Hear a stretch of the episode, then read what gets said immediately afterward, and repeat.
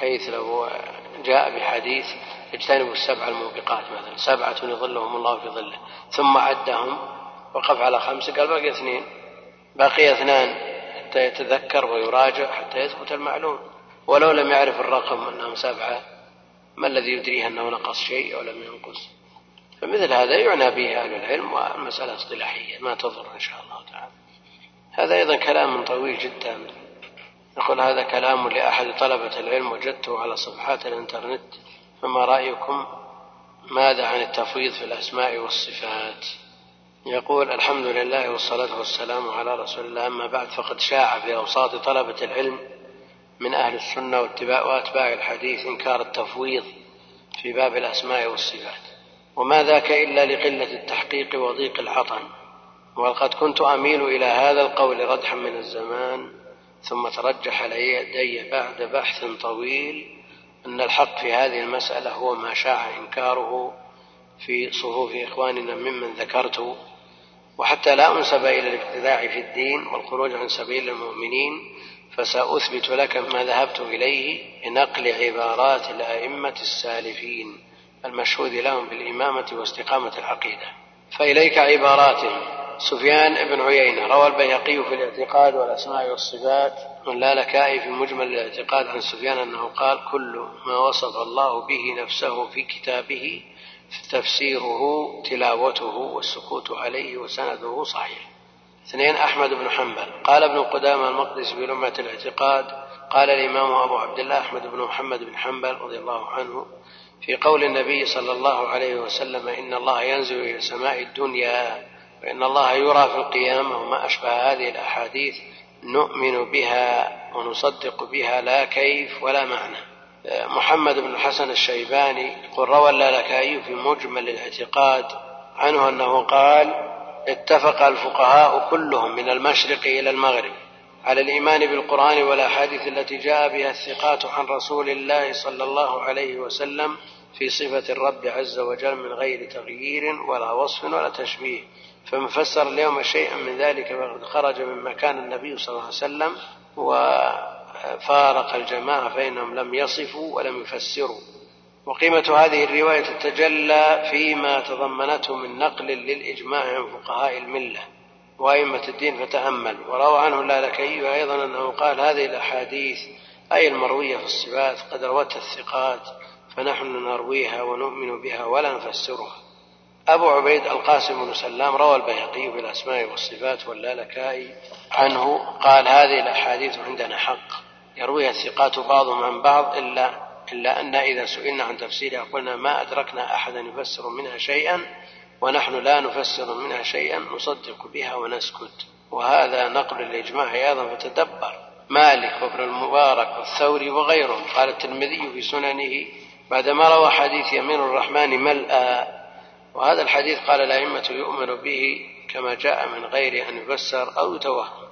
هذا قاله غير واحد من الأئمة سفيان الثوري ومالك بن أنس بن عيينة وابن المبارك. إنك تروي هذه الأشياء وتؤمن بها ولا يقال كيف. وكيع ومسعر بن كدام وابن معين. روى البيهقي في الأسماء والصفات عن يحيى عن يحيى بن معين أنه قال شهدت زكريا بن علي. آه، سأل وكيعا قال يا أبا سفيان هذه الأحاديث يعني أحاديث الصفات. فقال وكيع أدركنا إسماعيل بن أبي خالد وسفيان ومسعر يحدثون بهذه الأحاديث ويفسرون شيئا وسنده صحيح. وهذه نصوص أخرى أنقلها لك لما فيها من إثبات الإجماع للمتقدمين من أهل العلم على التفويض. روى البيهقي في الأسماء عن أبي سليمان الخطابي أنه قال هذا حديث هذا الحديث حديث الساق مما تهيب القول القول فيه شيوخنا فأجروه على ظاهر لفظه ولم يكشفوا عن باطن معناه. على نحو مذهبهم في التوقف عن تفسير كل ما لا يحيط العلم بكنه من هذا الباب. وقال أيضا فأما الاستواء فالمتقدمون من أصحابنا رضي الله عنهم كانوا لا يفسرون ولا يتكلمون فيه نحو مذهبهم في أمثال ذلك. قال ابن قدامة في اللمع وعلى هذا درج السلف وأئمة الخلف رضي الله عنهم كلهم متفقون على الإقرار والإمرار. والإثبات لما ورد من الصفات في كتاب الله وسنة رسوله صلى الله عليه وسلم من غير تعرض لتأويله. وقد نص الحافظ ابن الجوزي في دفع شبهة التشبيه على أن مذهب السلف في الصفات إمرارها كما جاءت من غير تفسير ولا تشبيه والمراد بنفي التفسير المذكور في النصوص المتقدمة والتفويض, حتما. وفي الباب غير ذلك في ذا القدر كفاية فتأمل وأنصر والسلام أما ما ذكره عن هؤلاء الأئمة فصحيح. وأنهم يمرونها كما جاءت. وأنهم يمرونها كما جاءت. لا على أنها لا معاني لها وإنما يخشون أن تزل الأقدام في المعاني ويسترسلون إلى أن يصلوا إلى إلى التكييف. فكثير منهم يتهيب القول في هذا الباب خشية أن تزل بهم القدم. وإلا مر بنا في تفسير المعاني عن الأئمة أنفسهم مر بنا في تفسير الاستواء مثلا أو جاءت به النصوص عن عن سلف هذه الأمة. علا وارتفع وصعد لكنهم لا يسترسلون أكثر من هذا. والصفات التي لم يرد تفسيرها عن سلف هذه الأمة لا شك أن على طالب العلم أن أن يتهيب الكلام فيها. ولو وجدت لها معاني في معاجم اللغة. والفرق بين التفويض الذي أثبته هو لا يختلف مع مع من ينكر التفويض. الذي أثبت التفويض هذا أخونا الذي ينقل كلام الأئمة وأنا لا أعرف اسمه ولا أعرف ما وجهته. أنا أتصور أنه لا يختلف مع من ينكر التفويض. التفويض الذي ينكر هو أن تكون هذه الألفاظ لا معاني لها البتة كأنها ألفاظ أعجمية لا يفهم منها شيء. هذا الذي أنكره. وأما كونها كلام عربي مفهوم واضح الاستواء معلوم كما قال الإمام مالك. الاستواء معلوم. وش معنى معلوم؟ معروف المعنى. والكيف مجهول. فلا شك أنه يريد أن يحسم الباب كما حسبه هؤلاء الأئمة الذين نقل عنهم وما ينقل عنهم من أن آيات الصفات وحديث الصفات تمر كما جاءت. ليس معنى أنها يمرها العبد كأنها طلاسم يعني نعرف أن زيد اسم لشخص مثلا وهو مأخوذ في الأصل من الزيادة. نعم لكن ديز عكس زيد إيش معناها نعم لا معنى لها هل معنى هذا أن استوى مثل ديز؟ لا معنى لها البتة. هل يمكن أن يقول المفوض مثل هذا؟ ما يمكن أن يقول مثل هذا. بل هي ألفاظ عربية معروفة المعنى لكن الكيفيات مجهولة. لماذا؟ لأننا لم نرى الله جل وعلا بحيث نستطيع التعبير عنه ولا جاءنا منه ما يدل على شرح هذه المعاني وهذه الكيفيات فنقف على ما وقفوا. ما فسروا وما بينوا معناه نبينه وما أمروه كما جاء يمر مع العلم بأنها ألفاظ معروفة بالعربية ومعروف اشتقاقها لكن ما يليق بالله جل وعلا منها لا نستطيع تكييفه. فالذي يفوض الذي يفوض بالكل يعني من كل وجه يقول أبدا مثل جيز وأعكس أي كلمة من, من مما عرف في لغة العرب ليس لها معنى أو يقول مثل هذا يعني عنده استوى مثل جيز يمكن أن يقول هذا أحد من أئمة السلف. لا معنى له البتة. لا. نعم. يقول قد يؤدي بهم حسم المادة وعدم الاسترسال في هذا الباب لأن الإنسان آه، قد ينقل بعض الأقوال ويذكر ما يرادفها أحيانا. يكون اللفظ ثابت عن السلف ثم يأتي بمرادف له نعم؟ ثم بعد ذلك يجد نفسه قد أوغل والسلف في هذا الباب يتهيبونه لأنه يتعلق بجلال الله جل وعلا بالذات الإلهية. المسألة مزلة قدم. يعني الإنسان قد يجد مثلا معنى الاستواء. فسره السلف على معان ذكروها وذكرناها في وقتها. ثم بعد ذلك يأتي بمرادف لبعض هذه الألفاظ. يظنه مرادف لأن الترادف الموجود في لغة العرب قد نفاه كثير من أهل العلم أنه لا يوجد مترادف. كل كلمة تستقل بالمعنى الجلوس شيء والقعود شيء آخر. فإذا حسم المادة بهذه الطريقة ضمنا عدم الاسترسال إلى التطرق للكيفية. لأن الإنسان قد يسترسل وقد يستدرج وقد تخونه العبارة أحيانا ثم يلزم بلازم ثم تأخذه العزة بالإثم أحيانا ينتصر لرأيه. ويصر على قوله فلا يعلم إلا وقد خرج عن منهج السلف الصالح. فمثل هذا لا بد من حسمه. الآن منهم على سيم بن الجوزي. ونقل عن الجوزي من الجوزي عنده ها؟ أبو عبيد إمام من أئمة المسلمين ما في إشكال. لا في الباب ما في إشكال. أبو عبيد لا لا من أئمة السنة. لا لا أبو عبيد من أئمة لا لا معروف من الجوزي منحرف يعني. لا لا عنده انحراف. الإشكال الذي أوردناه في آه، الدرس الماضي وهو التعارض بين حديث الباب حديث النزول وأن ذلك يستمر إلى طلوع الفجر. نعم. وأفضل القيام قيام داود وفيه ينام سدس الليل. وجاء في التفسير تفسير الأسحار الأسحار في قوله جل وعلا والمستغفرين بالأسحار جاء عن بعض السلف أنه السدس الأخير من الليل السدس الأخير من الليل. فعندنا أفضل القيام قيام داود وينام هذا الوقت اللي هو السدس الأخير من الليل اللي هو وقت الأسحار الذين مدح المستغفرون فيه. وفي البخاري يقول رحمه الله تعالى باب من نام عند السحر. باب من نام عند السحر. وأورد حديث عبد الله بن عمرو بن العاص رضي الله عنهما أخبره أن النبي صلى الله عليه وسلم قال أحب الصلاة إلى الله. صلاة داود عليه السلام وأحب الصيام. كان ينام نصف الليل ويقوم ثلثه وينام سدسه. فهو نام عند السحر. وقد مدح الله المستغفرين بالاسحار فالإشكال قائم. فماذا عن المتحري؟ لنفحات الله جل وعلا. هل ينام في هذا الوقت؟ يعني يطبق ما جاء في أحب الصلاة إلى الله صلاة داود وهو أفضل القيام. هل ينام هذا السدس أو يتعرض؟ يستغفر. الآن بينهما تعارض ولا ما بينهم تعارض؟ تعارض ظاهر. في تعارض ظاهر. فماذا عمن اراد شخص يريد النجاة؟ شخص من من العباد مثلا. هل نقول له نم السدس الأخير؟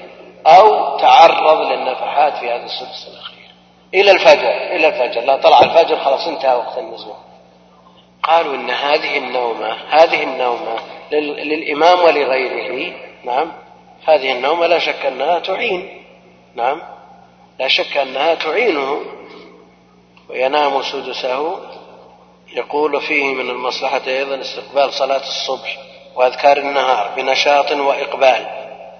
يقول قال المهلب كان داود عليه السلام يجم نفسه بنوم أول الليل ثم يقوم في الوقت الذي ينادي الله فيه هل من سائل فأعطيه سؤله؟ ثم يستدرك بالنوم ما يستريح به من نصب القيام في بقية الليل. وهذا هو النوم عند السحر كما ترجم به المصنف. إنما صارت هذه الطريقة أحب من أجل الأخذ بالرفق للنفس التي يخشى منها السآمة وقد قال صلى الله عليه وسلم إن الله لا يمل حتى تملوا والله يحب أن يديم فضله ويوالي إحسانه وإنما كان ذلك أرفق لأن النوم بعد القيام يريح البدن ويذهب ضرر السهر وذهول الجسم بخلاف السهر إلى الصباح وفيه من المصلحة أيضا استقبال صلاة الصبح وأذكار النهار بنشاط وإقبال وأنه أقرب إلى عدم الرياء لأن من نام السدس الأخير أصبح ظاهر اللون سليم القوى فهو أقرب إلى أن يخفي عمله الماضي على من يراه أشار إلى ذلك ابن دقيق العيد وحكي عن قوم أن معنى قوله أحب الصلاة هو بالنسبة إلى من حاله مثل حال المخاطب. من حاله مثل حال المخاطب وهو من يشق عليه قيام أكثر الليل. يعني المخاطب من عبد الله بن عمرو بن العاص الذي أراد أن يقوم الليل كامل. والنبي عليه الصلاة والسلام يعالج مثل هذا الحماس بالبداءة بالأخف فالأخف. وذكرنا في مناسبات أن مثل عبد الله بن عمرو بن العاص يحتاج إلى من يمتص بعض ما عنده. فهو قال إنه يريد أن يقرأ القرآن كامل في كل ليلة. ويريد أن لا ينام الليل ولا يفطر. قال له اقرأ القرآن في شهر. قال انه يطيق أكثر من ذلك. وقال اقرأ القرآن مرتين في الشهر. قال إنه يطيق أكثر من ذلك. قال اقرأه ثلاثا. قال إنه يطيق أكثر من ذلك. قال اقرأ القرآن في سبع ولا تزد يعني عبد الله بن عمرو العاص الفهم هذا على أنه إلزام أو على أنه من باب الرفق به. يعني لو جاءك طالب علم يقول والله أنا يمر علي الشهر ما فتحت المصحف أو ما أقرأ القرآن إلا في رمضان إلا نادرا. إن جيت قبل الإقامة لي بخمس دقائق عشر قرأت ولا ما في شيء؟ ما تقول له أن السلف يقرأون القرآن في كل ليلة؟ أو تقول له اقرأ القرآن في شهر؟ لا مثل هذا يحتاج إلى من يزيد عليه. ومثل عبد الله بن عمرو بن العاص قال أخي نم آخر الليل تنشط الوظائف النهار. ولذلك وحكي عن قوم أن معنى قول أحب الصلاة هو بالنسبة إلى من حال مثل حال المخاطب بذلك ومن يشق عليه قيام أكثر الليل قال وعمدة هذا القائل اقتضاء القاعدة زيادة الأجر بسبب زيادة العمل. لكن يعارضه هنا اختصار العادة والجبلة التقصير بحقوق يعارضها طول القيام. ومقدار ذلك الفائت مع مقدار الحاصل من القيام غير معلوم لنا. فالأولى أن يجرى الحديث على ظاهره وعمومه. وإذا تعارضت المصلحة والمفسدة فمقدار تأثير كل واحد منهما في الحث أو المنع. يعني لو قال أنا لا أريد أن أنام سدس الليل الأخير. نعم. لا أريد أن أنام. أنا بواصل من نصف الليل إلى إلى الصبح إلى صلاة الصبح وصلي الصبح وأجلس بعد صلاة الصبح إلى أن تنتشر الشمس. لكن يترتب على ذلك آه، التعب الذي يورث عدم حضور القلب في بعض الأذكار والقراءة. وقد يتعب في الصلاة. في النهاية يؤدي بذلك إلى الملل والانقطاع. فالمسألة مسألة كما قال آه، وإذا تعارضت المصلحة والمفسد فمقدار تأثير كل واحد منهما في الحث أو المنع غير محقق لنا. نعم يقول أنا بجلس في الأسحار وأستغفر وإذا أذن صلاة الصبح بادرت إلى الخروج إلى المسجد وصلت خلف الإمام استمعت لقراءته وجلست في مصلاي والحمد لله. يعني ما ولاحقين على النوم بنا مضحى مثلا. فالطريق أننا نفوض الأمر إلى صاحب الشرع ونجري ما دل عليه اللفظ مع ما ذكرناه من قوة الظاهر هنا والله أعلم. قال ابن التين هذا المذكور إذا أجريناه على ظاهره فهو في حق الأمة. أما النبي صلى الله عليه وسلم فقد أمره الله تعالى بقيام أكثر الليل فقال يا أيها المزمل قم الليل إلا قليلا انتهى قال وفيه نظر لأن هذا هذا الأمر قد نسخ كما سيأتي وقد تقدم في حديث ابن عباس فلما كان نصف الليل أو قبله أو بعده بقليل قد يقول قائل مثلا قد يقول قائل لماذا لا نجمع النوم جميعا وننام الثلثين من صلاة العشاء ونقوم الثلث؟ والله جل وعلا ينزل في الثلث الأخير وقت الأسحار آه، نكون مستيقظين. بس مسألة تقديم وتأخير. هل يتم الامتثال ولا ما يتم؟ يتم ولا ما يتم؟ يتم امتثال أحب الصلاة إلى صلاة داود؟ نعم. لا ما يتم يعني التطبيق ما يتم بدقة. لا يتم. لكن هل الحديث سيق لبيان الصلاة أو لبيان النوم؟ يعني ما الذي يهم شرعا؟ الصلاة أو النوم؟ نعم. يعني حينما قال وينام سدسه. نعم قد يتعبد بالنوم. في هذا السدس فيؤجر عليه لينوي به التقوي على صلاة الصبح وما بعدها من وظائف وأذكار. نعم فيؤجر عليه فيكون عبادة. وإلا فالأصل أن النوم يعني مباح. فمثل هذا لو عوض عنه بعبادة ولا أثر لها بوجه من الوجوه على عبادات أخرى أو على حقوق أخرى أو وظائف أخرى فيأتي بمثل عني على نفسك كثرة السجود. ما الحد؟ في كلام كثير.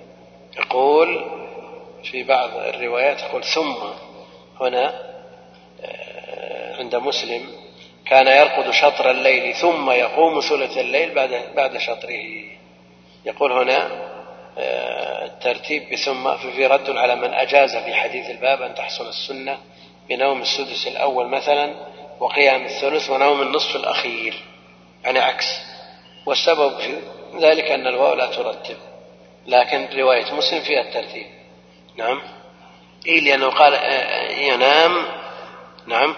ينام نصف الليل سواء كان من أوله أو من أثنائه أو من آخره ويقوم ثلثه وينام سدسه يعني مو مرتب. يعني لو نام نصف عكس. نام السدس بعد صلاة العشاء. نام ساعة ونصف. ثم بعد ذلك استيقظ وصلى ثلاث ساعات ثم نام بعد ذلك أربع ساعات ونصف. عكس. لأن الواو لا ترتب. هنا رواية الباب وكان ينام نصف الليل ويقوم ثلثه وينام سدسه. في رواية مسلم العطف بثم. فارتفع هذا. أنه لا بد من النوم نصف الليل. وقلنا أن نصف الليل يبدأ من من غروب الشمس ومن صلاة العشاء. من صلاة العشاء. من صلاة العشاء. ما يمكن ينام عن غروب الشمس. يمكن ينام. وشيخ الإسلام أشار إلى هذا في شرح حديث النزول من أجل أن يكون قيامه موافق لوقت النزول. الله جل وعلا ينزل ثلث الليل. فإذا نام النصف من صلاة العشاء وافق الثلث. من صلاة العشاء ما من غروب الشمس يوافق الثلث. صح ولا لا؟ لأن ما بين صلاة غروب الشمس وصلاة العشاء وقت النوم نعم يعادل السدس. فإذا أضفناه إلى النصف صار ثلثين فإذا قام من النصف الذي هو من صلاة العشاء يكون قام من الثلثين من, من غروب الشمس. فيبقى الثلث وقت النزول لله. وبهذا تتحد الأحاديث. تتفق. وهو جامع في غاية الجودة شيخ الإسلام هذه مسألة لا شك أنها مشكلة. ومع ذلك إذا كان النوم الإرشاد إليه من باب الإرفاق بالمخاطب فللإنسان لا سيما إذا كان ممن يستطيع أن يعوض عن هذا السدس بوقت مفضول مثلا ينام فيه ويريد أن يستغل هذا الوقت الفاضل لا سيما أن النصوص الأخرى تدل عليه. وانتهى وتره عليه الصلاة والسلام إلى السحر. انتهى وتره إلى السحر. والمستغفرين بالأسحار. كل هذه تدل على أن هذا وقت من أفضل الأوقات للعبادة. لكن إنما قال ينام سدسه رفقا بالمخاطب. يقول في حديث الباب من الفوائد تفضيل صلاة آخر الليل على أوله.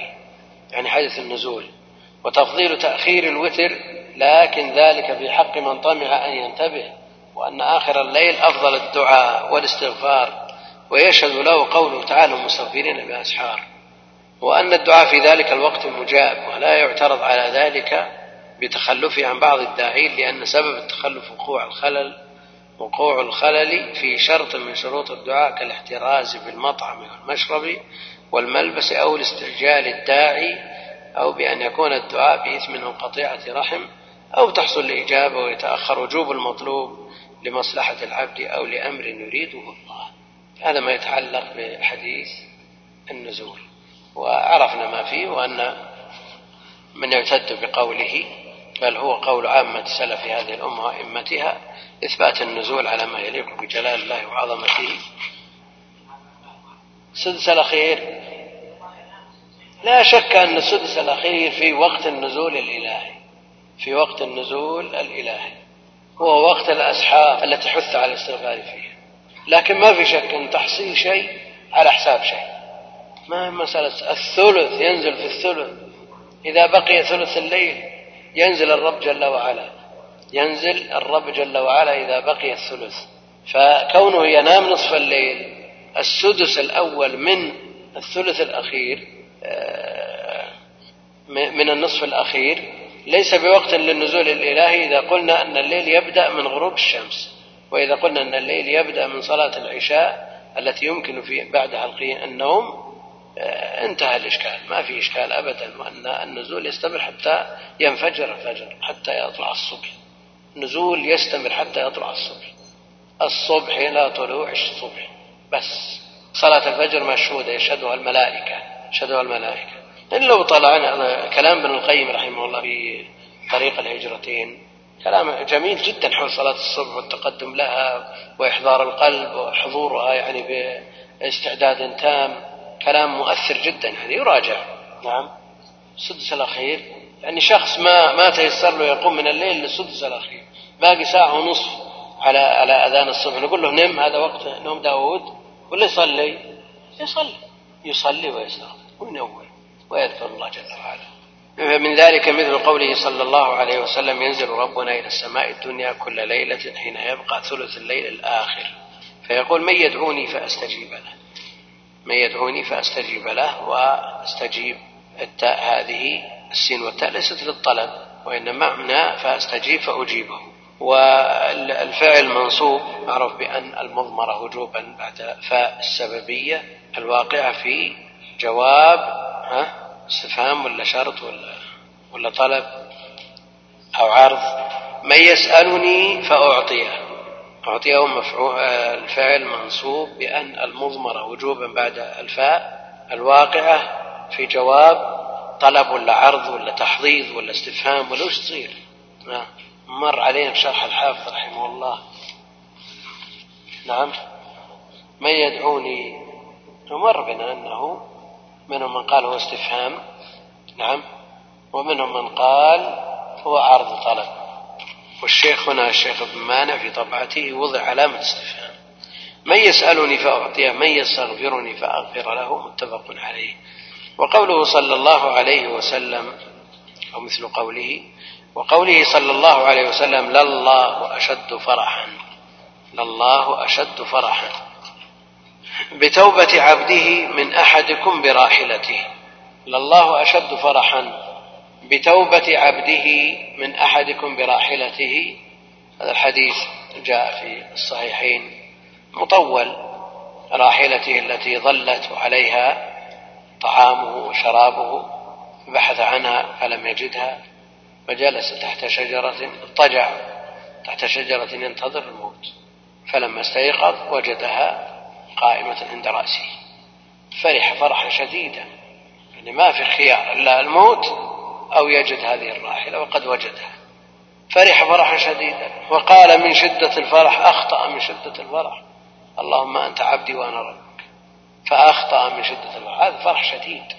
والله جل وعلا أشد فرحا بتوبة عبده من أحدكم براحلته ففيه إثبات هذه الصفة لله جل وعلا. وأن الله يفرح بتوبة عبده. وهذا من كرمه وفضله وجوده وإحسانه جل وعلا حيث يفرح بتوبة التائب المذنب المعرض نفسه للعقوبة فإذا برئ من هذا الذنب وتنصل منه وبذل وسعه في التخلص من أثره بالتوبة النصوح الله جل وعلا أشد فرحا من هذا المسكين الذي ظلت رحمه. والله جل وعلا يحب التوابين وأمر بالتوبة. توبوا إلى الله جميعا. فهنا في الحديث إثبات صفة الفرح بالله لله جل وعلا على ما يليق بجلاله وعظمته. الإنسان المخلوق يفرح لكن يفرح إذا وجد ما يسره مما ينتفع به. والله جل وعلا لا تنفعه توبة التائب كما أنها لا تضيره معصية العاصي.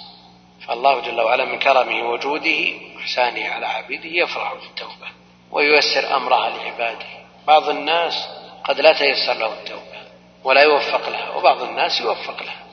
والله جل وعلا ليس بظلام للعبيد. هذا بسبب ما جنت يداه وهذا بسبب ما قدم مع توفيق الله جل وعلا. وهذا الحديث أيضا متفق عليه. وذكرنا بالنسبة للتائب من الربا مثلا وله مناسبة أن نربطها بهذا الحديث. من تاب من الربا إن تبتم فلكم رؤوس أموالكم. لا تظلمون ولا تظلمون وأن رأس المال يحتمل أن يكون المراد به عند الدخول في التجارة ويحتمل أن يكون عند التوبة. هذا الاحتمال اللفظ يحتمل يحتمل. فإذا تاب جاءته موعظة من ربه فانتهى فله ما سلف. الأموال التي حازها له وله رأس ماله الآن. الأموال التي في ذمم الناس لا يجوز أن يأخذ أكثر من رأس ماله. والتي تاب عنها له ما سلف. والآية تحتمل أيضا أن له رأس ماله وقت دخوله في التجارة. ويتضح الأمر بالمثال. شخص. شخص معروف باسمه زاول الربا أكثر من ستين سنة. صلى الله عليه وسلم. ودخل في التجارة بعشرين ريال. وتاب بدون مبالغة يعني عن أكثر من عشرين مليار. تاب. توبة. فيما يبدو للناس نصوح. ولذلك تبرع بعشرة مليارات لسداد الديون وإخراج المسجونين. هذا يدل على أنه أن توبته صحيحة هل نقول لك العشرين مليار ولك أموالك ونسائك وقصورك وكل ما عندك من أموال لكن الباقي تبت لك ما سلف. الباقي في ذمم الناس لا مالك إلا رأس مالك ما تأخذ ربا. أو نقول لك عشرين ريال واخرج من أموالك حتى ثوبك. اللي ما يسوى عشرين ريال اللي يستحق أكثر من عشرين ريال مالك ما هو لك واذهب تكفف الناس واخذ تنصل من أموالك وقصورك مالك إلا عشرين ريال. الله جل وعلا يفرح بتوبة عبده وأمر بالتوبة ووجبها على العباد ويحب التوابين يحب والله جل وعلا ما في هذا الحديث حديث عظيم. لله أشد فرحا. شيخ الإسلام رحمه الله في مواطن كثيرة يقول من المحال في العقل والدين أن يكون كذا. ونحن نقول من المحال في العقل والدين أن الله جل وعلا يفرح بتوبة عبده ويصده عنها هذا اللي قلنا مالك إلا عشر ريال وش بيسوي؟ بيتوب ولا يقول بلاش من التوبة؟ بينصت عن التوبة. وما في شك أن مثل هذا يسهل باب التوبة الذي يحبها الله جل وعلا ويفرح بها ولفظ الآية يحتمل. لفظ الآية ما يأباه إطلاقا. وقوله صلى الله عليه وسلم يضحك الله إلى رجلين يقتل أحدهما الآخر. كلاهما يدخلان الجنة. نعم. هذا مسلم يجاهد في سبيل الله فيقتله كافر. ينال بهذا الشهادة. ثم إن هذا الكافر يسلم نعم فيقتل. وكلاهما يدخلان الجنة. والله جل وعلا يضحك إلى هذين الرجلين. يعني آه، بعض الأمور تعجب منها. يعني وحشي بن حرب. يقتل حمزة ويقتل مسيلمة. يقتل حمزة ويقتل مسيلمة. فعمله الأول في غاية الشناعة والثاني من أعظم القربات.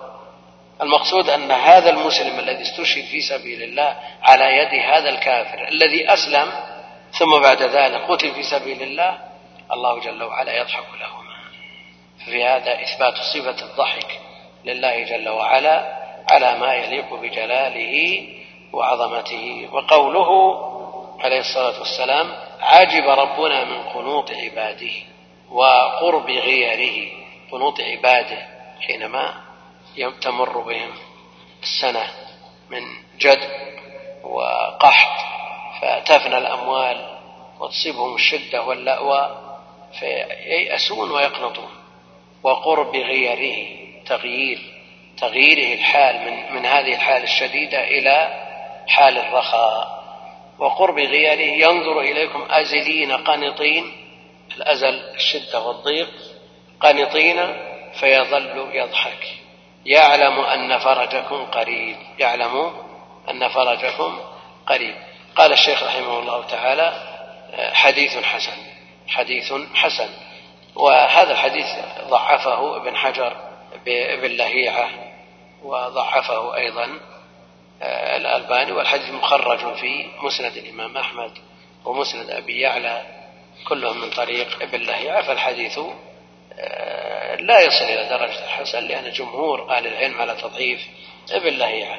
آه، أحسن من هذا الحديث في هذا الباب من الأحاديث الصحيحة في الصحيحين وغيرهما. عجب الله من قوم يدخلون الجنة بالسلاسل. لقد عجب الله من فلان وفلانة. أبو طلحة وأم طلحة متفق عليه. قد عجب الله من صنيعكما بضيفكما الليلة. يعني أبا أيوب وامرأته. والحديث أيضا متفق عليه. في الأحاديث الصحيحة في الصحيحين وغيرهما ما يغني عن هذا الحديث. والحديث وما في معناه فيه إثبات صفة العجب لله جل وعلا على ما يليق بجلاله وعظمته. والله أعلم وصلى الله وسلم وبارك على عبده ورسوله نبينا محمد وعلى آله وصحبه أجمعين. السلام عليكم ورحمة الله وبركاته. هذا يقول؟ ماذا علي لو استيقظت بعد صلاة الظهر الساعة الواحدة مثلا فقلت في نفسي أكمل النوم إلى قبيل خروج الوقت أي قبل العصر ثم أقوم فأصلي.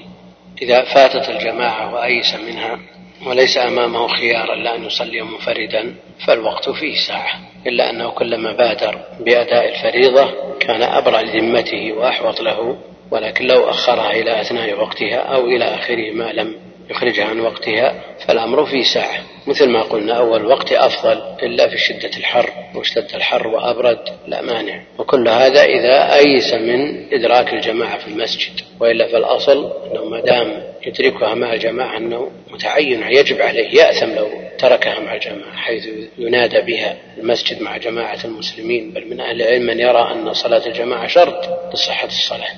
والنبي عليه الصلاة والسلام يقول لابن أم مكتوم أتسمع النداء؟ قال نعم. قال أجب لا أجد لك رخصة لكن إذا أيس قام من النوم بعد فراغ الناس من الصلاة ولا يدرك جماعة أخرى ثم قال سيما وإن كان هناك حاجة داعية إلى النوم إن كان مريضا أو متعبا فزاد في نومه لمدة ساعة قبل أن يخرج الوقت. لا مانع من ذلك إن شاء الله تعالى ولا إثم عليه إلا أنه ترك الأفضل. يقول هذا يطلب أن تشرح ألفية ابن مالك؟ هذا من هولندا. ما شاء الله. يقول ليته يشرح ألفية ابن مالك كما سبق أن شرح أجرمية لكان أجرا عظيما بإذنه سبحانه. أخوكم الحسين من هولندا. والله ألفية ابن مالك على البال إن شاء الله تعالى وهي من أولى ما يشرح في هذه الدروس والدورات لكن نسأل الله أن ييسر. الأمر نشرح بعد الأجرمية إن شاء الله تعالى القطر ثم الألفية. هذا أيضا يقول وقع عندي إشكال في قصة آدم وقلنا يا آدم اسكن أنت وزوجك الجنة وكلا منها رغدا حيث شئتما ولا تقربا هذه الشجرة فتكون من الظالمين. ثم أورد آية الأعراف ثم أورد آية الصفات إنها شجرة تخرج في أصل الجحيم والإشكال هنا هل الشجرة موجودة في الجنة أم في النار؟ الآن هذا محل إشكال ولا لا؟ نعم. يعني هل هي شجرة واحدة؟ نعم. الشجرة هذه ليست شجرة الزقوم التي تخرج في أصل الجحيم غير الشجرة التي في الجنة التي نهي آدم من عن الأكل منها. يقول في قول الله جل وعلا وإن من شيء لا يسبح بحمده ولكن لا تفقهون تسبيحه. هل الأجساد تسبح لله فيكون لها تسبيحان بإرادة الشخص نفسه؟ والتسبيح المذكور في الآية إيه، يعني وهل جسد الكافر يسبح وإن من شيء إلا يسبح بحمده؟ يريد أن يدخل في هذه النكرة شيء في سياق النفي تعم كل شيء من الحيوانات والجمادات وغيرها. يقول بما في ذلك جسد الكافر يعني المسلم يسبح بلسانه بطوعه واختياره لكن هل جسده يسبح تسبيح آه، غير التسبيح الذي يكون بلسانه لأن الجسد شيء وبناء على ذلك فالجسد الكافر الذي لا يسبح بلسانه يسبح من تلقائيا بدلالة هذه الآية. يقول هل الأجساد تسبح لله فيكون لها تسبيحان بإرادة الشخص نفسه يعني حينما يسبح بلسانه. والتسبيح المذكور في الآية وهل هذا تكلف؟ أقول مثل هذا تكلف ولا شك أن الآية فيها دلالة على عظمة الله جل وعلا حيث ينزهه كل شيء من الحيوانات والجمادات. وأما التفاصيل التي لم يرد فيها دليل فلا داعي لها مع أن عموم الحديث يتناول كل شيء. ما درجة حديث صيام أيام البيض؟ صيام ثلاثة أيام من كل شهر لا إشكال فيه صحيح. وأما تعيين الثلاثة بالبيض فهو حديث حسن مخرج في السنن وغيرها. يقول أحد الأشخاص يصف الشيخ عبد العزيز بن باز رحمه الله تعالى بالتشدد وأن فتاويه قاسية. فما قولكم في مثل هذا الشخص؟ على كل حال الشخص هذا لا شك أنه صاحب هوى وإلا لو نظر بعين البصيرة في فتاوى الشيخ رحمه الله لوجدها من أعدل الأقوال يعني نابعة من نصوص الكتاب والسنة. الحمد لله رب العالمين صلى الله وسلم وبارك على نبينا محمد وعلى آله وصحبه أجمعين أما بعد. قال المؤلف رحمه الله تعالى وقوله صلى الله عليه وسلم لا تزال جهنم يلقى فيها وتقول هل من مزيد حتى يضع رب العزة فيها رجله وفي رواية عليها قدمه فينزوي بعضها إلى بعض وتقول قط قط متفق عليه. وقوله صلى الله عليه وسلم يقول الله تعالى يا آدم فيقول لبيك وسعديك فينادي بصوت إن الله يأمرك أن تخرج من ذريتك بعثا إلى النار متفق عليه. وقوله صلى الله عليه وسلم ما منكم من أحد إلا سيكلمه ربه ليس بينه وبينه حاجب ولا ترجمان. الحمد لله رب العالمين وصلى الله وسلم وبارك على عبده ورسوله نبينا محمد وعلى آله وصحبه أجمعين. أما بعد فيقول المؤلف رحمه الله تعالى في الأحاديث النبوية التي أوردها المؤلف في إثبات الصفات مما أثبته النبي عليه الصلاة والسلام لربه عز وجل على ما يليق بجلاله وعظمته منها قوله عليه الصلاة والسلام لا تزال جهنم لا تزال جهنم. وجهنم اسم من أسماء النار نسأل الله السلامة والعافية. يلقى فيها. يلقى فيها من أهلها آه، المستحقين لها ومعلوم أنها أنها وقودها الناس والحجارة. النار وقودها الناس والحجارة نسأل الله السلامة والعافية. وقد آه، ضمن الله جل وعلا لها أن تمتلئ. فلا تزال يلقى فيها ويدعون فيها دعا يدفعون دفعا شديدا ويلقون فيها وهي تقول هل من مزيد؟ هل من مزيد؟ والخلاف في هذا التعبير أو الأسلوب هل هي تطلب المزيد أو تنفي أن يكون فيها محل المزيد؟ وكل هذا جاء عن أهل العلم من المتقدمين والمتأخرين. حينما تقول هل من مزيد كما جاء في سورة قاف هل معنى هذا أنها تقول تطلب الزيادة؟ هل من مزيد؟ ويكون هذا من باب الطلب أو يكون من باب نفي قبول الزيادة وأنها قد امتلأت وقد جاء التفسير بهذا وهذا ولكن المرجح أن هذا طلب بدليل باقي الحديث حتى يضع فيها رب العزة رجله وفي رواية عليها قدمه. في فتح الباري يقول ابن حجر رحمه الله تعالى باب قوله وتقول هل من مزيد اختلف النقل عن قول جهنم هل من مزيد؟ فظاهر أحاديث الباب أن هذا القول أن هذا القول منها لطلب المزيد أن هذا القول منها لطلب المزيد. وجاء عن بعض السلف أنه استفهام إنكار كأنها تقول ما بقي في موضع للزيادة. فروى الطبري من طريق الحكم بن أبان عن حكيمة في قوله هل من مزيد؟ أي هل من مدخل؟ قد امتلأت. ومن طريق مجاهد نحوه. أخرجه ابن أبي حاتم من وجه آخر عن حكيمة عن ابن عباس وهو ضعيف ورجح الطبري أنه لطلب الزيادة على ما دلت عليه الأحاديث المرفوعة يعني الأحاديث التي منها حديثنا صريح في أنها تطلب المزيد ولو لم يكن فيها فضل يطلب له المزيد لا محتيج إلى أن يضع رب العزة فيها قدمه لينزوي بعضها إلى بعض وتنكمش بحيث لا يبقى فيها مكان للزيادة. يعني الحديث صريح وهو مخرج في الصحيحين وغيرهم ورجح الطبري أنه لطلب الزيادة على ما دلت عليه الأحاديث المرفوعة وقال الإسماعيلي الذي قاله مجاهد موجه فيحمل على أنها قد تزاد وهي عند نفسها لا موضع فيها للمزيد. يعني أن كأنها لكثرة ما ألقي فيها خيل لها أنها قد امتلأت. يقول والذي قال قال الإسماعيلي الذي قاله مجاهد موجه. يعني يمكن توجيهه. فيحمل على أنها قد تزاد وهي عند نفسها لا موضع فيها للزيادة. لأنه قد يقول قائل السلف يخفى عليهم مثل هذه الأحاديث فيؤولون القرآن على خلاف ما جاء عن النبي عليه الصلاة والسلام لا سيما مجاهد. الذي قال بعض الصحابة إذا جاءك التفسير عن مجاهد فحسبك, حسبك به. معروف مقامه في هذا الباب. يقول فيحمل على أنها قد تزاد وهي عند نفسها لا موضع فيها للمزيد. فهي لكثرة ما يلقى فيها خيل إليها أنها قد امتلأت. يوم نقول لجهنم هل امتلأت؟ وتقول هل من مزيد؟ يعني كأنها امتلأت. من كثرة ما يلقى فيها والله جل وعلا يعلم لا تخفى عليه خافية فيعرف أن فيها مواضع تقبل الزيادة. تقبل الزيادة. والله جل وعلا لا يظلم أحد. فلا ينشئ لها خلقا يعذبهم دون سابق جرم. فيضع فيها رجله فينزوي بعضها بعضا وتقول على بعض وتقول قطن قطن أو قط قط أو قطي قطي أو قطي الياء إشباع قطي قطي أو قطني. يعني حسبي ويكفيني. ضبطت اللفظة بهذه الأوجه. المقصود أن هذا الأسلوب هل من مزيد؟ هو هل استفهام؟ فهل هو استفهام طلب؟ كما تدل عليه الأحاديث في الصحيحين وغيرهما منها حديث الباب أو هو استفهام نفي لقبول الزيادة.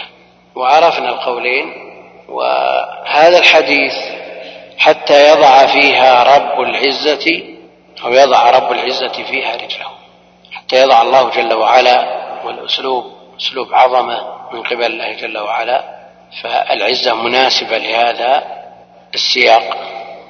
حتى يضع الله جل وعلا والأسلوب أسلوب عظمة من قبل الله جل وعلا فالعزة مناسبة لهذا السياق. رب العزة فيها رجله ففي هذا إثبات الرجل لله جل وعلا على ما يليق بجلاله وعظمته وتثبت حيث ثبتت بها النصوص الصريحة. خلافا لمن أولها خلافا لمن أول الرجل.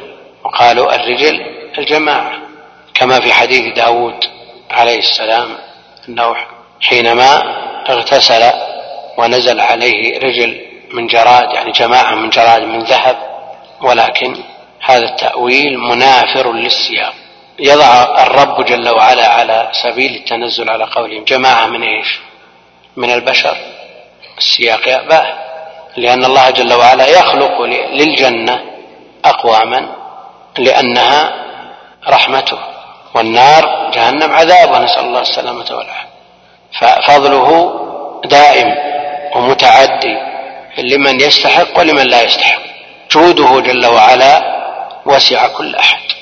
فيناسب أن يخلق الجنة أقواما لم يعملوا عمل لكن كونه يعذب من لا يستحق العذاب هذا ظلم قد حرمه الله جل وعلا على نفسه.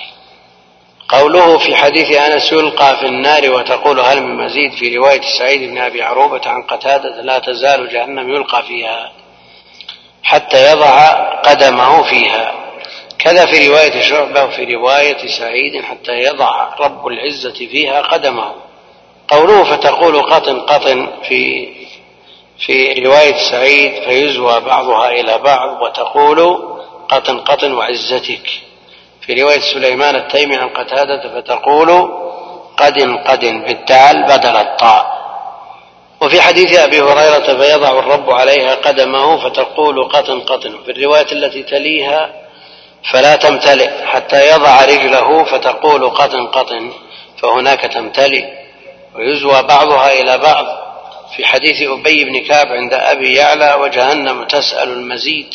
حتى يضع فيها قدمه فيزوى بعضها إلى بعض وتقول قطن قطن. حديث أبي سعيد عند أحمد فيلقى في النار أهلها فتقول هل من مزيد؟ ويلقى فيها وتقول هل من مزيد؟ حتى يأتيها عز وجل فيضع قدمه عليها فتنزوي فتقول قدني قدني. وقوله قطن قطن أي حسبي حسبي. وثبت بهذا التفسير عند عبد الرزاق من حديث أبي هريرة. وقط بالتخفيف ساكنا ويجوز الكسر بغير إشباع ووقع في بعض النسخ عن أبي ذر قطي قطي بالإشباع وقاطني بزيادة نون مشبعة. ووقع في حديث أبي سعيد رواية سليمان التيمي بالدال بدل الطاء وهي لغة أيضا. وكلها بمعنى يكفي. وقيل قط صوت جهنم. والأول هو الصواب عند الجمهور يعني يكفي حسبي حسبي ويكفيني. يقول ثم رأيت في تفسير ابن مردويه من وجه آخر عن أنس ما يؤيد الذي قبله ولفظه فيضمها فيضعها عليها فتقطقط كما كما يقطقط السقاء إذا امتلأ. انتهى. فهذا لو ثبت لكان هو المعتمد لكن في سنده موسى بن مطير وهو متروك واختلف في المراد بالقدم اختلف في المراد بالقدم. فطريق السلف في هذا وغيره مشهورة وهي أن تمر كما جاءت ولا يتعرض لتأويله بل نعتقد استحالة ما يوهم النقص على الله جل وعلا. نعتقد استحالة ما يوهم النقص. لكن هل في إثبات ما أثبته الله جل وعلا لنفسه في كتابه أو على لسان نبيه عليه الصلاة والسلام ما يوهم نقص نعم الله جل وعلا ليس كمثله شيء. وأثبت لنفسه ما ثبت نظيره للمخلوق. ما ثبت نظيره للمخلوق. لكن للخالق ما يخصه وللمخلوق ما يخصه. فلا مشابهه فالله جل وعلا ليس كمثله شيء. وليس معنى هذا أننا نبالغ في التنزيه إلى حد نصل فيه إلى نفي ما أثبته الله جل وعلا لنفسه.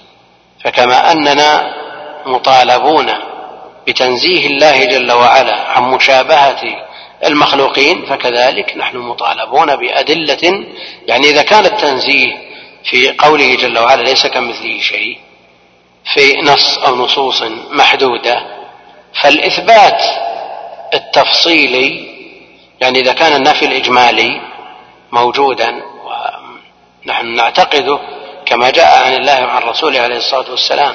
لكن هل يعني هذا أننا ننفي ما أثبته الله لنفسه جل وعلا من إثبات تفصيلي من الأسماء والصفات؟ ولذا هو يقول ولا يتعرض لتأويله بل نعتقد استحالة ما يهم النقص على الله. نعم نعم ما يستحي ما يوهم النقص فالله جل وعلا منزه عنه. لكن المبتدعة يستغلون مثل هذا الكلام في نفي ما أثبته الله جل وعلا لنفسه لأن الإثبات عندهم ملازم لتصور النقص. لكن إذا أثبتنا ما أثبته الله جل وعلا لنفسه ونفينا ما نفاه عن نفسه لا يلزم من ذلك تخيل ولا توهم النقص بوجه من الوجوه. قال وخاض كثير من أهل العلم في تأويل ذلك. فقال المراد إذلال جهنم. فقال المراد إذلال جهنم فإنها إذا بالغت في الطغيان وطلب المزيد أذلها الله فوضعها تحت القدم. وليس المراد حقيقة القدم. والعرب تستعمل ألفاظ الأعضاء في ضرب الأمثال ولا تريد أعيانها. كقولهم رغم أنفه وسقط في يده وقيل المراد بالقدم الفرط السابق أن يضع الله فيها ما قدمه لها من أهل العذاب. القدم إنما سميت قدم لأنها تتقدم الإنسان تتقدمه في المشي. لا يمكن المشي إلا إذا تقدمت الرجل على الأخرى ثم الثانية على الأولى وهكذا. وهنا يقول وقيل المراد بالقدم الفرط السابق أن يضع الله فيها ما قدمه لها من أهل العذاب. قال الإسماعيلي القدم قد يكون اسما لما آه، قدم كما يسمى ما خيط من ورق خيطا. فالمعنى ما قدموا من عمل. وقيل المراد بالقدم قدم بعض المخلوقين. فالضمير للمخلوق معلوم أو يكون هناك مخلوق اسمه قدم. أو المراد بالقدم الأخير لأن القدم آخر الأعضاء فيكون المعنى حتى يضع الله في النار آخر أهلها فيها ويكون الضمير للمزيد. لكن هذه كلها تأويلات ياباها السياق. تأويلات يأباها سياق الحديث وكل هذا فرار من أن يثبت لله جل وعلا ما أثبته لنفسه. ولا شك أن هذا مجانب للصراط والمنهج الذي سار عليه سلف هذه الأمة وأئمتها. يقول وقال ابن حبان في صحيح بعد إخراجه هذا من الأخبار التي أطلقت بتمثيل المجاورة وذلك أن يوم القيامة يلقى في النار من الأمم والأمكنة التي عصي الله فيها فلا تزال تستزيد حتى يضع الرب فيها موضعا من الأمكنة المذكورة. فتمتلئ لأن العرب تطلق القدم على الموضع.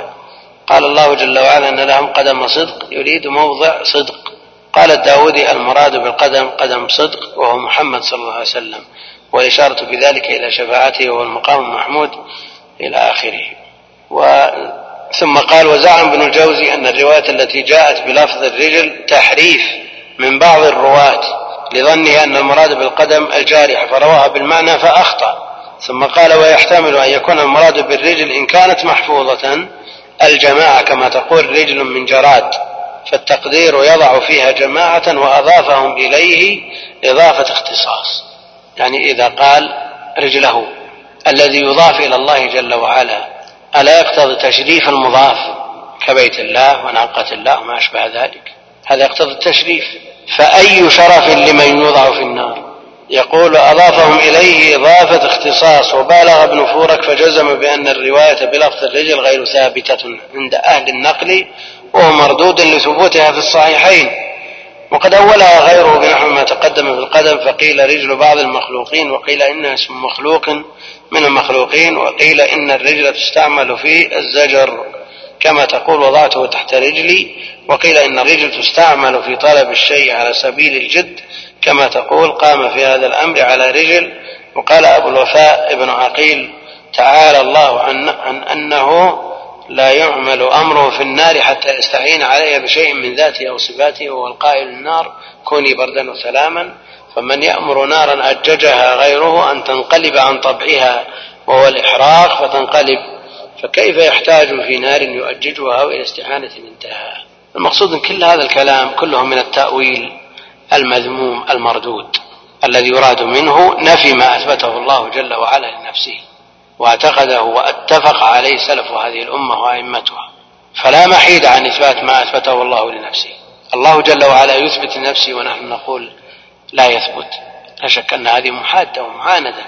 فهؤلاء عن الذين ينفون ما أثبته الله لنفسه كيف يتصورون يوم القيامة إذا جاء الله جل وعلا على الصفة التي يعرفونها؟ كيف يعرفون الصفة وهم ينفون الصفات؟ يعني إذا جاء على الصفة التي يعرفونها يسجدون له. هؤلاء كيف يسجدون؟ هل عرفوه من أجل أن يسجدوا له؟ لا يمكن أن يعرف إلا من خلال ما جاء عنه جل وعلا في كتابه أو على لسان نبيه عليه الصلاة والسلام. هل يمكن أن يعرف شخص دون وصف. نعم. يعرف شيء ما رؤي سابقا ولا وصف. ما يمكن أن يعرف. والله جل وعلا وصف نفسه في كتابه وعلى لسان نبيه عليه الصلاة والسلام. وأجمع سلف الأمة على هذه الأوصاف فصاروا يعرفونه بهذه الأوصاف التي جاءت عنه. فإذا جاءهم على صفته عرفوه. فكيف يعرفه من ينكر صفاته؟ كيف يعرف من ينكر الصفات؟ هل يمكن معرفته مع إنكار الصفات؟ بأي شيء يعرفونه.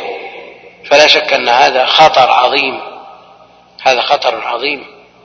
لأنهم مع إنكارهم لهذه الصفات يعبدون غير ما جاءت صفاته في الكتاب والسنة.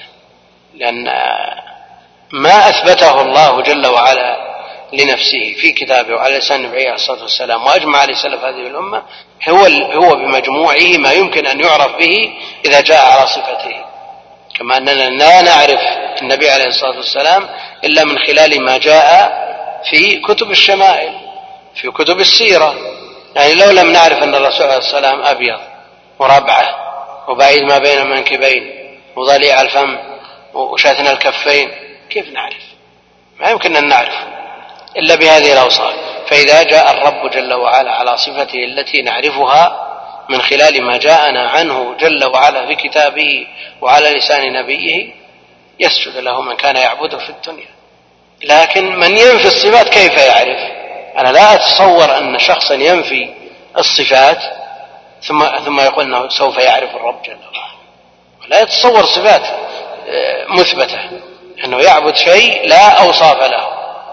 وهذا أشبه ما يكون بالعدم.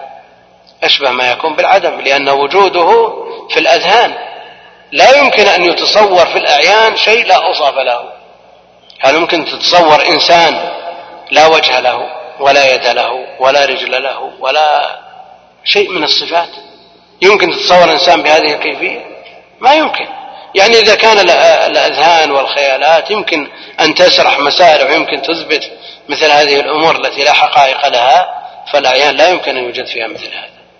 فلا بد من إثبات ما أثبته الله جل وعلا لنفسه ولا يلزم من الإثبات التشبيه. لا يلزم من ذلك أن يكون الخالق مثل المخلوق. فالخالق له وجه وله رجل قدم ويد وعين وسمع وبصر جل وعلا عن مشابهة المخلوقين. تعالى الله عما يقول الظالمون علوا كبيرا. فله هذه الأوصاف. ولا يعني أنه أننا إذا أثبتنا شيئا من ذلك أننا نشبه بأحد من خلقه والإمام ابن خزيمة رحمه الله في كتاب التوحيد لما أثبت الوجه لله جل وعلا قال لا يستلزم مشابهة وجوه المخلوقين بحال من الأحوال ولا بوجه من الوجوه. وإذا تأملنا في المخلوقين وهم يشتركون في القدر المشترك من الخلق وجدنا تباين كبير بين وجوه المخلوقين. فهل يستطيع أحد أن يقول وجه الإنسان مثل وجه القرد؟ أو وجه النملة مثل وجه الحمار؟ أو وجه الذئب مثل وجه الجمل؟ ما يمكن. فالإنسان له وجه والجمل له وجه والحمار له وجه والنملة لها وجه والجرادة لها وجه. لا يلزم من ذلك المشابهة. وهذا بين المخلوقين الذين يجمعهم وصف واحد يشملهم وصف واحد هو الخلق. فكيف بالتفاوت والتباين بين الخالق والمخلوق؟ نعم في حديث أبي هريرة عند البخاري رضي الله تعالى عنه قال قال النبي صلى الله عليه وسلم تحاجت الجنة والنار. فقالت النار أوثرت بالمتكبرين والمتجبرين. وقالت الجنة ما لي لا يدخلني إلا ضعفاء الناس وسقطهم قال الله تبارك وتعالى للجنة أنت رحمتي أرحم بك من أشاء من عبادي. وقال النار إنما أنت عذاب أعذب بك من أشاء من عبادي ولكل واحدة منهما ملؤها. فأما النار فلا تمتلئ حتى يضع رجله فتقول قطن قطن فهنالك تمتلي ويزوى بعضها إلى بعض يعني ينضم بعضها إلى بعض.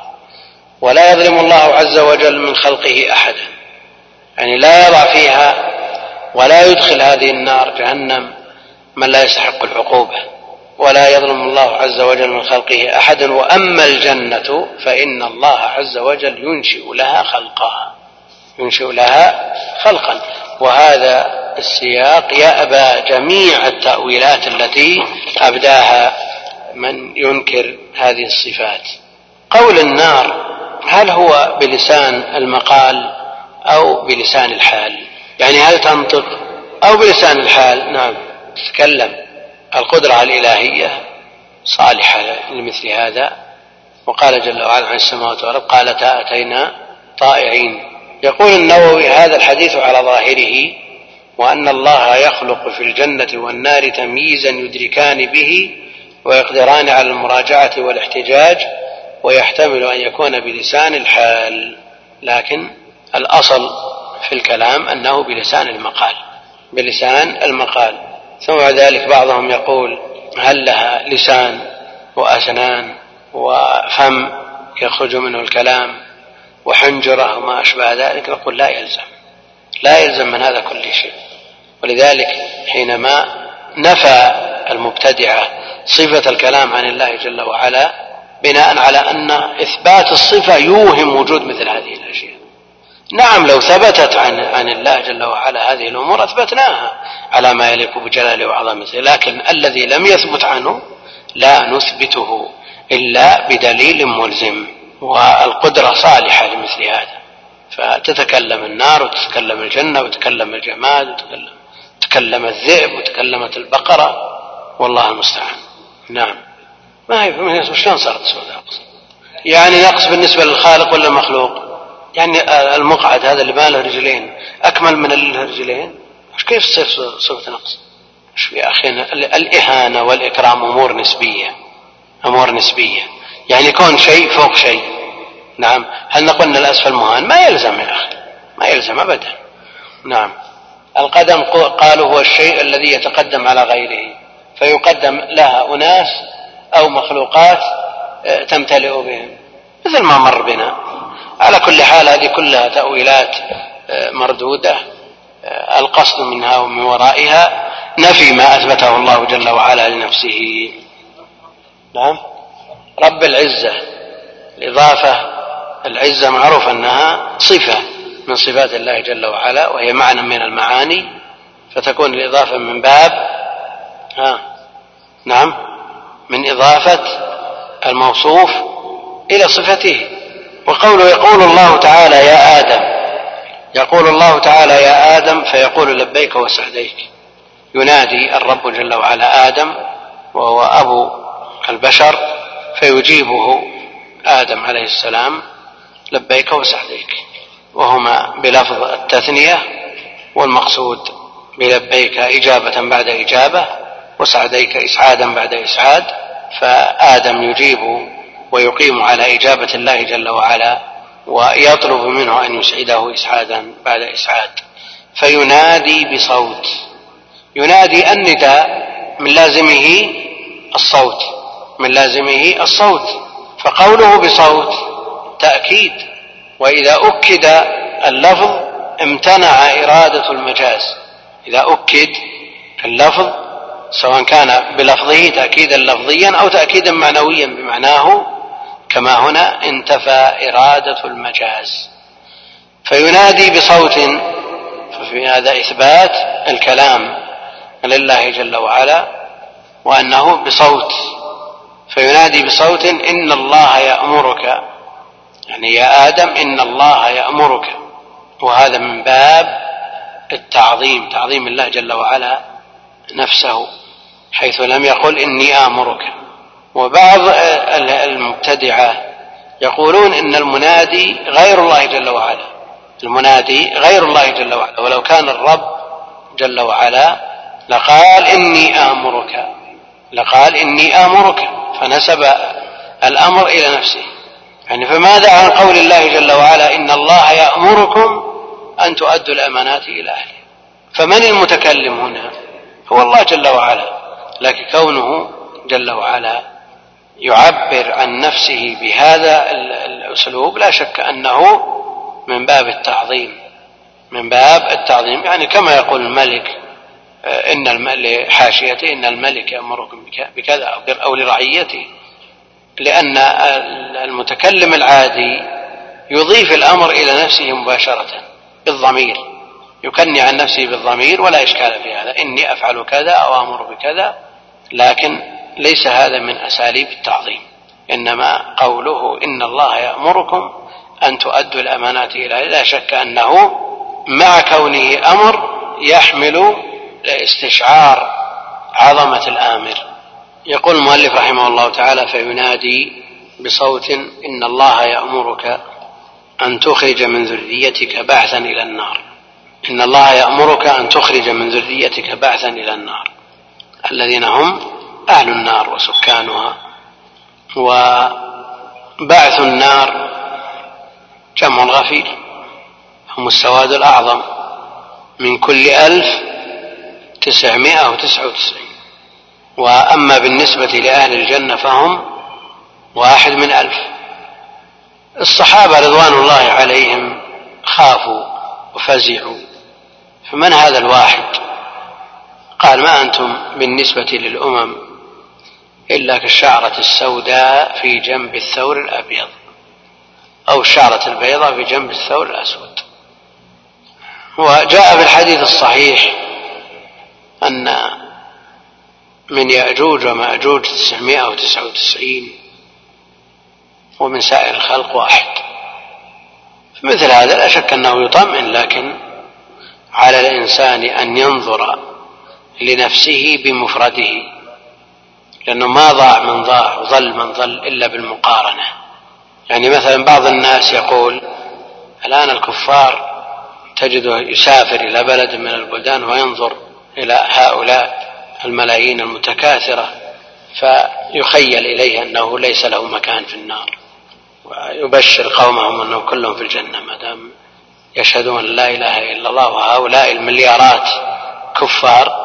لكن بهذه المقارنة يضل الإنسان ويضيع ويأمن من مكر الله فعلى الإنسان أن ينظر إلى نفسه بمفرده. ماذا قدم مما ينجيه من عذاب الله؟